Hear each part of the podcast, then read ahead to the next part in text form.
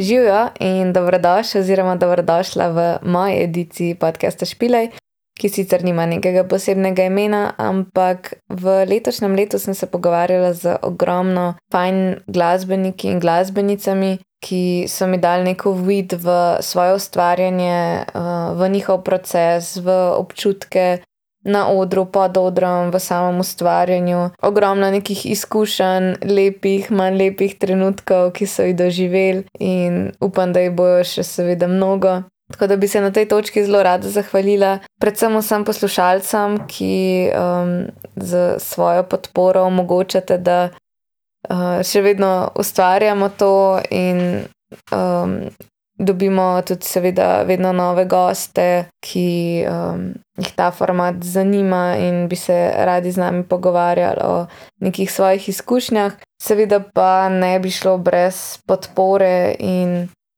dela tudi ekipe, tako da Tisa in Matic, hvala, da, da sta tudi zraven pri tem projektu in da skupaj lahko spravimo nekaj tako finega ven na, na splet. In pa strici iz ozadja, strici in tete iz ozadja, torej Boštjan Košir, ki ogromno dela naredi s tem, da nam uh, pomasterira, tudi malo mogoče pomiksa in spravi skupaj te epizode, ki jih posnamemo. Um, res mi ogromno olajša samo nalaganje teh posnetkov in zagotavlja, da lahko slišite vse te epizode v zelo dobri kvaliteti. Uh, hkrati pa seveda hvala tudi mladinski postaji Moste, ki nam v sedaj novo odprtem studiu Most omogoča, da te pogovore izvajamo, da um, glasbenikom in ostalim akterjem ponudimo nek ali bolj intimen prostor, kjer se lahko zapremo v studio in predebatiramo stvari, ki smo si jih zamislili. Tako da, ja, hvala vam še enkrat za vso podporo.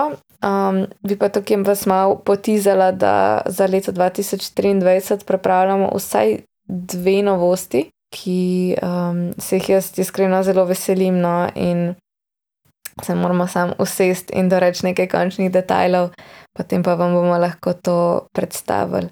Pa se mi zdi, da boste kar, kar veseli.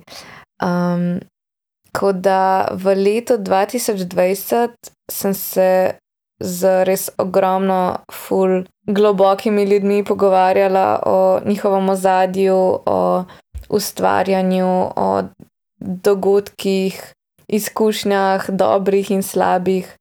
Um, predvsem je fino, no, da smo na začetku res se malce dotaknili tega koronavirusa, ki se mi zdi, da je kar pretresel res to našo sceno in ja, malo spremenil, ampak se mi zdi, da večino seveda v, v dobrem smislu.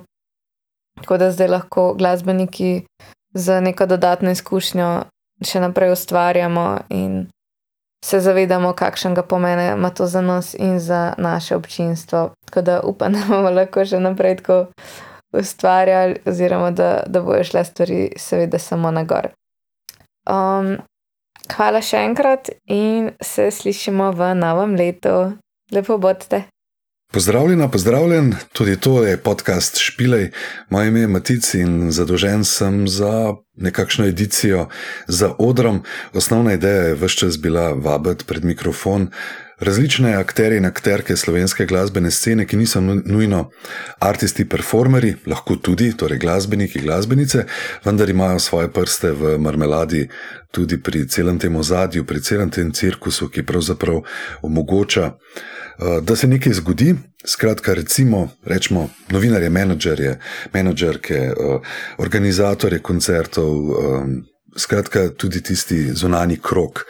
In eh, prišel je pravzaprav trenutek, da mečkam pogledamo na leto 2022, oziroma da bom jaz pogledal skozi svoje oči in skozi svoje misli, pa da mogoče en tak napoved.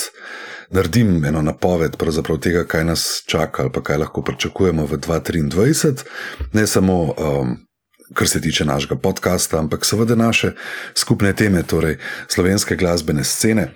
Uh, Na mestu so zahvale, predvsem tistim, ki omogočajo, da se slišimo, da obstajamo, da špilej živi. Na prvem mestu mogoče vi, um, poslušalci, poslušalke, skratka, noro ste nas presenetili z svojimi ciframi uh, prisluhov. Prebili smo vsa pričakovanja in smo res navdušeni, da pa vse nastaja tako, kot je treba. Najprej moji dve čudoviti kolegici Neža in Tisa, ki skupaj nekako furamo tole gverilsko pobudo. Vsak nekoliko na svoj način, v svojem ritmu, ampak vse skupaj, celota, nekako je zasnova, recimo, ene take podcasterske skupnosti ljudi, ki imamo glasbo neizmerno radi.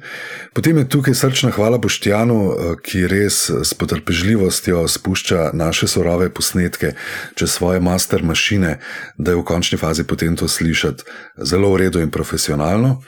Um, hvala celotni ekipi Mladinske postaje Moste in sedaj lahko rečem studija Most, skratka prostora, ki nam nudi gostoljubje in dovolj akustične mirnosti, da pravzaprav lahko podkaste posnamemo. Ena res uh, lepa pobuda in fajn ekipa ljudi, skratka, dobro smo se najdel v enem mogoče zelo identičnem skupnem prizadevanju v tem, da vse skupaj, kar je povezano z muziko, premaknemo za kakšen korak naprej. Skratka, ja, tudi brez vas, pravzaprav tega ne bi bilo tako, kot je bilo. Kar se tiče zahval, drugače pa pogled nazaj, um, z mojega stališča, veliko razmislekov. Uh, veliko gruntanja, uh, zelo dobrih uh, in zgovornih gostov in gosti, Vsem na tem mestu, nobenega ne bom poimensko izpostavil, ampak vsem res, res hvala, da ste se odzvali povabilu. Dali ste mi veliko za misliti. Sezona, tudi ta zunaj, se pravi na nastopih in tisto, kar se da slišati, različna. No, bom rekel, ene stvari so me zelo navdušile, nekatere tudi razočarale, in zdaj je ta moment, da mogoče malo z vami podelim nekaj teh misli. Mogoče najprej. Um, razmisleki. Zdi se mi, da smo se, vsaj v mojih pogovorjih, smo se vse čas vrteli okoli tega, kje je v bistvu tista srednja meja med um, strogim profesionalizmom in pravzaprav že kar malo korporativno logiko, tudi v glasbi, ko rečemo, pač ta glasbeni posel, pa to deluje včasih tako izjemno trdo in rigidno. Skratka, ta meja med vsem, kar je močno, močno načrtovano, splanirano, uh, seveda podprto tudi s kakšnimi financami, sponzorji, če je treba, in na drugi strani zelo underground in mogoče bolj do it yourself uh, miselnostjo.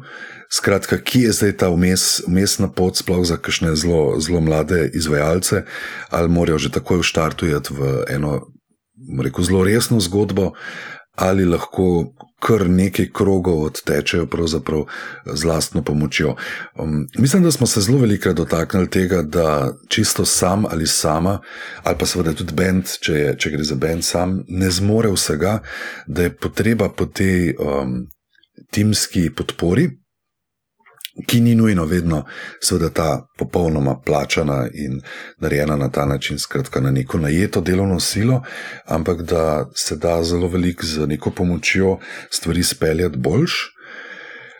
Ta del nekako kaže na to, no, da, da so vedno možnosti da bi dejansko skupnost delovala, se pravi, res povezana skupnost, ki ni povsem bazirana zgolj na, na finančnih transferih, ampak so lahko tudi zelo drugi benefiti, druge prednosti, druge koristi. Uh, in veliko, bom rekel, prav mladih, ki pravzaprav sami niso uh, samo prav glasbeniki, so videli tudi svojo poanto v tem, da lahko prispevajo. K celotnemu premiku na ta način, da imajo nek svoj um, zelo strokoven pristop, ampak da niso še mogoče čist profesionalci. Tako, da, tako se mi zdi, da je veliko debat je šlo pravzaprav tukaj noter uh, v tem, se pravi, ta neka zelo velika resnost in potem na drugi strani velik entuzijazem, ki pa v štartu pravzaprav doskrat res zaradi financ uh, ne zmore še čistega, um, čistega profesionalizma. Veseli me, da, da je veliko. Da imamo veliko dobrih fotografov, fotografin, da imamo veliko dobrih uh, video entuzijastov, ki pravzaprav uh, prispevajo k temu, ne samo tista muzika, ki se sliši, ampak se pravi ta ozadje. Uh, videli smo po koronskem času, da uh, smo imeli na tehničnem področju seveda velik upad nekaterih, mogoče starejših ljudi ali pa profesionalcev, ki so se dalj časa s tem ukvarjali, da so pravzaprav svojo dejavnost opustili, kar je hkrati naredil en prostor za kar eno veliko skupino, spet zelo, zelo mladih uh, tehnikov, bom rekel, se pravi, tako audio tehnikov kot lučkarjev, lučkark, um, ljudi, ki so um, prišli pravzaprav čisto na novo in so uspeli v tem praznem prostoru v zelo kratkem času se izgraditi en začetek, pravzaprav tudi ene karijere. Tako da to, to so bili definitivno razmisleki. Eh, po glavi se mi podi tudi to, seveda, kako smo um, res čisto zasičeni z, z social medijo. Eh, z družbenimi omrežji in kako je tukaj zdaj ta pomemben del tega, kako to načrtovati, koliko biti prisoten, da je pravzaprav to ratala tudi ena velika presija. Konec koncev pa brez tega um, očitno pač v sedanjem času ne moreš, se pravi, če tega čisto nič ne počneš, uh, se tudi kot glasbenik, izvajalec, težko prebiješ nekam, kar pomeni tukaj. So na nek način res kar veliki pritiski. Mm, Veliko različnih pogledov, kaj je pravzaprav treba početi, in spet smo pri tem, koliko stvari mora biti splaniranih, popolnoma načrtovanih z tabelami, in koliko je stvari spontanih, ki pravzaprav dosežejo v končni fazi vas, ki ste poslušalci, ki pravzaprav ste, ste tisti potrošniki, konzumenti glasbe.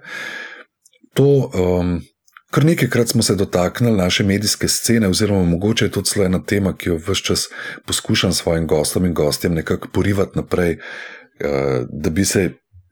Izrazili ali pa da bi pravzaprav izrazili neka svoja stališča, uh, kako, kako je pri nas, pri pravzaprav bolj klasičnih medijih, pa bom rekel, recimo najbolj prav v radiju, kot enemu takmu mediju, ki, bi, ki je pravzaprav, kjer je glasba nosilna, nosilna tema, kjer je rdeča nit. Eh, še vedno sam sem prepričan, da, da je naša ta, recimo, radijska scena zelo uh, siromašna, borna, da ne omogoča pravzaprav neke uh, zelo velike možnosti, ampak da pravzaprav v končni fazi pol končamo na dveh, treh imenih, in da seveda se velikokrat pogovarjamo o, o našem nacionalnem radiju, skratka, o, predvsem o valu 202 kot eni platformi. Promocija nove glasbe, ki pa je včasih, kamor je včasih zelo težko priti, oziroma nekateri, seveda, niti žanrsko, sploh ne pašejo, ne sodijo tja in se težko pribijajo, da je tukaj še vedno ustrajen, seveda, radio študent, ki pokriva določen del Ampak da so še vedno neke ogromne luknje, eh, kjer se potem eh, glasbeniki zaletavajo v to, da bi radi svojo glasbo nekam plasirali, skratka, da bi se jo slišali, eh, da pa včasih naletijo na zaprta vrata. Digitalne platforme, skratka, sigurno, sigurno se je v zadnjem letu zgodilo to, da če je bil še nekaj časa nazaj, seveda Spotify kot verjetno ja, najmočnejša ta platforma, kljub temu, da seveda obstajajo tudi druge in da um, tako, tako Tidal za neko dosta agresivno kampanjo prihaja k nam, kar je pravilno, da še vedno so nekateri ljudje, ki prisegajo na Deezer, ampak kot Spotify, nekakšen tak monopolist, se je v Sloveniji, glede na to, da ni bil. Znan in seveda tudi ga ni bilo možno imeti v Sloveniji, je pač ta uh, kultura tega, da imaš Spotify in da poslušaš tam, se je nekako krepila. Eh, tudi sam čistko v pogovorih z ljudmi vidim, da, da ljudje pač enostavno imajo, imajo Spotify in poslušajo tam glasbo, kar pomeni, da jo poslušajo manj na YouTubu, ker je bilo prej eh, pravzaprav en taka ja, rešitev v sili, ampak glede na to, da seveda muziko nosimo sabo, zdaj večinoma prek pametnih telefonov, ima YouTube seveda ogromno minusov glede tega, ker uh, ne bomo šli v detajle, ne, ampak ne samo v kvaliteti, ampak tudi v načinu. Kakšna ta platforma je? Skratka, se mi zdi, da se je Spotify vse nekako, vsaj pri nas, kar dosto uveljavil v tem, da to je neke vrste referenca in da tukaj mogoče ta zamik do, do zahodnega sveta zdaj nekako zmanjšujemo, uh, lovimo. Uh, lovimo tudi, seveda, številke in uh, poslušanja, in, in, in tako naprej. To so sigurno eni razmisleki, drugače pa um, hm, navdušujoče. To bom pustil za konec. um, Mogoče tisto, kar je malo razočarajoče, je bilo letošnja poletna sezona, eh, koncertna je bila pač tako, kot smo vsi predvidevali, seveda postkoronska, nekako divja. Eh, še vedno mislim, da je bilo kar preveč dogodkov, eh, da bi človek, seveda kot en, en homo sapiens, lahko se vsega udeležil. Veliko stvari, nekatere žal tudi ne vedno speljane toliko dobro, kot si je marsikdo zamislil, skratka nekaj razočarajočih dogodkov, ampak bolj strani mogoče same organizacije in v končni fazi zato, ker sem rad uh, na strani glasbenikov, potem se da razočaranje, ko pride tudi do plačila, poplačila, uh, tako nekako malo borno. Po drugi strani pa seveda vsi tisti matadori, ki uh, ta trenutek v Sloveniji pravzaprav lahko pritegnejo zelo veliko ljudi, uh, so imeli, mislim, da zelo močno in dobro sezono, zelo veliko koncertov in so seveda pobrali smetano, kar se tiče ljudi. Uh, pri ljudeh smo se velikokrat pogovarjali o tem, da seveda ne moramo mimo tega, da toliko, kar je poslušalcev, toliko jih pač v Sloveniji je, za določene subžanre ali pa bolnišne zadeve, je seveda teh fanov še toliko manj in je pravzaprav neka realnost, ki jo je treba sprejeti, to, da lahko pritegneš v našem okolju točno toliko ljudi, kolikor jih je, in če narediš vse BP. Potem si dobil to publiko in to je ta publika, ni nekaj, ne da se izumeti neke druge. In seveda ni čuden, da, da, naši, da naši glasbeniki um, vsaj tako mačke z očmi, poskušajo gledati v tujino. Ta tujina nam je zdaj, mislim, da predvsem pred koncem no, eh, letošnje sezone špile smo jo velikrat omenjali kot tista želja. In uh, zdaj prehajam pa do, do tistih res navdušujočih stvari. Ja, zelo sem vesel, da je Nežen Band Relentless Youth uspel narediti svojo evropsko turnejo, Cheese, Do It Yourself, skratka last, na lastnih silah. To se mi zdi, da je ena zelo svetla točka za pravzaprav en hardcore, dost uh, underground band uh, narediti, zorganizirati, speljati, odšpilati, uh, odkljukati, konc koncev to. Uh, spoznal sem kar nekaj novih. Uh, Glasbenikov, to je tudi prednost, mogoče povezovanja vseh nas, ki smo različni, ki delamo špile, ali pa ki se pogovarjamo o tem, seveda, da poslušamo različne stvari. In uh, se mi zdi čist ok, da kakšno od teh stvari naštejem, sploh zaradi tega, da bi koga mogoče spodbudil, da ravno greste in mal pa ne vem, uporabljate Spotify, ki drugega, ampak da enostavno malo preverite, da ste radovedni do nove slovenske glasbe. Ta trenutek uh, se mi. Največ vrtita po glavi in seveda tudi na predvajalniku Popotnik.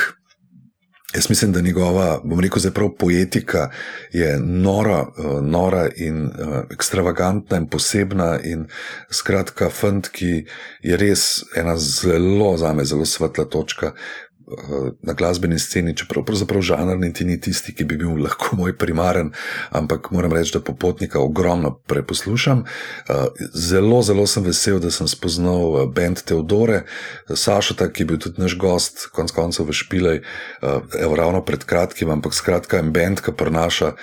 Tudi eno, eno tako zelo posebno, posebno linijo, drugače pa spoznal sem, evo, izven, izven, izven mojega, moje cone obdobja, mm, da sem se navlekel na SBO, torej smrt Boga in otrok. Spoznal sem pravzaprav to, s kakšnim, s kakšnim smart pristopom delajo svoj, svojo muziko, ki bi lahko rekel samo trep, pa vprašanje, če samo to. Drugače pa pri kitarskih zadevah, pa poleg. Uh, bendov, ki jih spremljam in ki jih imam rad v Sloveniji, uh, ena taka, se pravi, balans, pa recimo Lele, absolutno uh, dva benda, ki mi skačeta ven. Uh, kot nekaj, nekaj posebnega, kar sem pravzaprav spoznal uh, in začel malo bolj poslušati, pravzaprav letos. Uh, veselijo me, recimo, Love Charade kot en izjemno mlad uh, bend, kako so se pravzaprav iz nič uh, začeli. Eh, prebijati in kako gostujejo in kako nabirajo svojo koncertno kilometrino, kar je en zelo lep, um, en lep moment. Če bi moral izbirati mogoče plato leta, potem bi dal svoj glas Pa pravzaprav sem dal svoj glas, evo, radio terminal. In mi ni več časa povedati za, za plato Youth, uh, benda Reagan. Skratka, Reagan so, si, so prišli do, do svojega končnega izdelka, torej do, do albuma, na en način, ki se mi zdi, da odlično zaokrožuje točno to fazo, v kateri so. Skratka, en res jagodni izbor štiklov, ki smo jih slišali pogosto v živo, ampak zdaj na nosilcu posneti in sproducirani na način, ki se meni zdi zelo spoštovanja vreden. Tako, eh, platek eh, je ni um, težko nekomu pokazati, nekomu zarolati, pa reči, to je recimo en tak. Um, Izdelek slovenski. Zdaj, to seveda ne pomeni, Za vse ostale slovenske dobre muzike je bilo letos, se mi zdi, ne mogoče našteti vsega. Bile so tudi dobre plate, dobri singli, uh, aristi, ki že nekaj časa delajo in so spet pokazali nov kreativen preboj. Uh, tako da pravzaprav za naslednje leto ni nobenih skrbi v zvezi s tem, da pač kreativa kakorkoli zamira. Jaz mislim, da imamo res v vseh žanrih zelo veliko mladih, odličnih uh, glasbenikov, da podpora, skratka, če smo zdaj za odrom, obstaja. Da včasih je treba za to reči, včasih je treba tudi kaj plačati, in predvsem se je treba pa zelo povezati in med sabo deliti ideje in iskati tiste pametne sinergije, ko potem v tem timu zadeve kliknejo, ko pač klapajo. Ne more biti nekaj na pamet, oziroma ni za vsega vse dobro. No, tako bom rekel. To se mi zdi. Če bi nekdo rekel, hej, kdo je pa zdaj najboljši slovenski producent. Veliko je dobrih, ampak marsikaj je treba sprobati, marsikaj je treba predebatirati, marsikaj je treba videti, a grejo stvari, a smo a nam kemija špila ali ne, in tako na pamet se pravzaprav ne da. In um, še zadnja, preden se odklopim za 2022. Ja, eno močno spoznanje v tem, da kakorkoli smo vsi zelo digitalizirani in tako na mailih, in na četih, in skratka, uporabljamo digitalna urodja, je za tisti pravi klik pač potrebno se dobiti v živo, tako kot je seveda samo živ nastop benda, tisti, ki ti da ta prav feeling, ne samo pač posneta glasba. Posneta glasba je super in nam daje, vsem mnogim od nas, se mi zdi, eno upanje, pa pravzaprav to lažbo v najtežjih dnevih, saj jaz glasbo tudi tako dojemam, kot res spremljevalko vse čas. Slušalke so nujna zadeva za preživeti v tem svetu, je pa živ nastop in tisti, ki dobiš energijo, in isto velja tudi za vse dogovore, ki bi jih radi sklenili. Jaz mislim, da jih morate začeti delati v živo, na famoznih kavah, čajih, debatah, ki so včasih neskončne, ampak tam se potem zgodi, ali se pa pač tudi ne zgodi, kar pa ni nič narobe. Nismo vsi za vse. Tako da Slovenija v bistvu, konec koncev, se mi zdi v kar dobri kondiciji, pravzaprav preživela zaenkrat glasbeno.